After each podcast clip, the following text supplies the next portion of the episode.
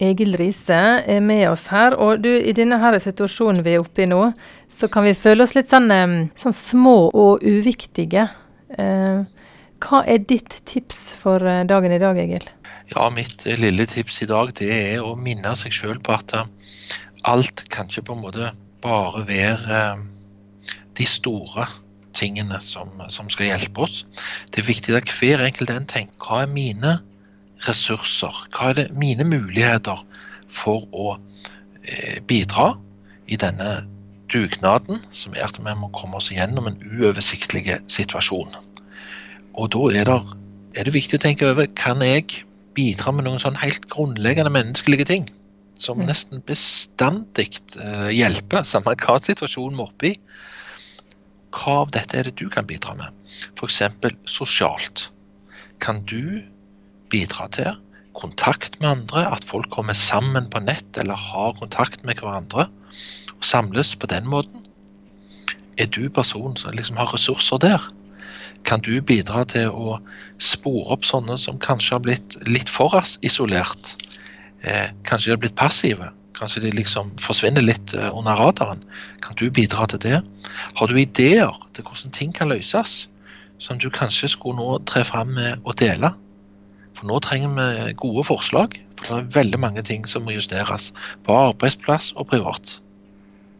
Så tenker jeg på praktisk hjelp. Du vet, En sånn situasjon den fører alltid til praktiske behov. Og Er det noe du kan gjøre for noen, selvfølgelig dette å handle for noen, eller sånn, men vær veldig konkrete. Er det noe du kan liksom legge vind på nå, for å bistå for at eh, hjulet skal gå rundt for alle og andre. Og det siste Nei, det er ikke det siste. Det er altså bevegelse. Eat, sleep, move. Det er viktig med det grunnleggende. Er du en som kan hjelpe til med at eh, folk eh, har en liten trimgruppe på nettet? Og ikke blir sittende nå, for det er ikke bra for vår mentale helse. Når alle jobber fra hjemmestolen, så må på en måte bevegelse bli litt Det kan gli ut, så nå er det du som kan bidra til at det blir trim og bevegelse hos folk. Mm. Og det siste er latter. Altså, vi, vi, trenger å le. Vi trenger latter og humor. Mm. Og vi trenger galgenhumor. Vi trenger all slags humor. Fordi det forteller ikke at det ikke er alvorlig, det vi er oppi, men det hjelper oss.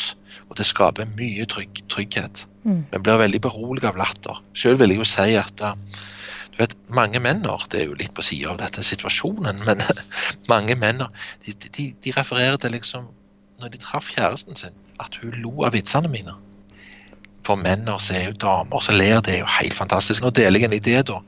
Ja, jeg skulle ønske at noen kom opp med at man kunne få en liten dataapp der man kunne ta opp eh, konelatter og få det som ringetone. For det tror jeg er veldig beroligende liksom, å høre kona si le mange ganger til dagen på telefonen. Ja. Ja, det var min tips, idé. Ja, ja. Kanskje det var det som er dagens tips. Dagens tips er i alle fall bidra med det du kan. Bidra med det du kan. Hvis du eller dere som par eller familien trenger noen å snakke med, er Egil Riise åpen for samtaler. Familieterapeut og samlivsterapeuten arbeider over telefon og digitalt. Du finner kontaktinfo på risefamilieterapi.no.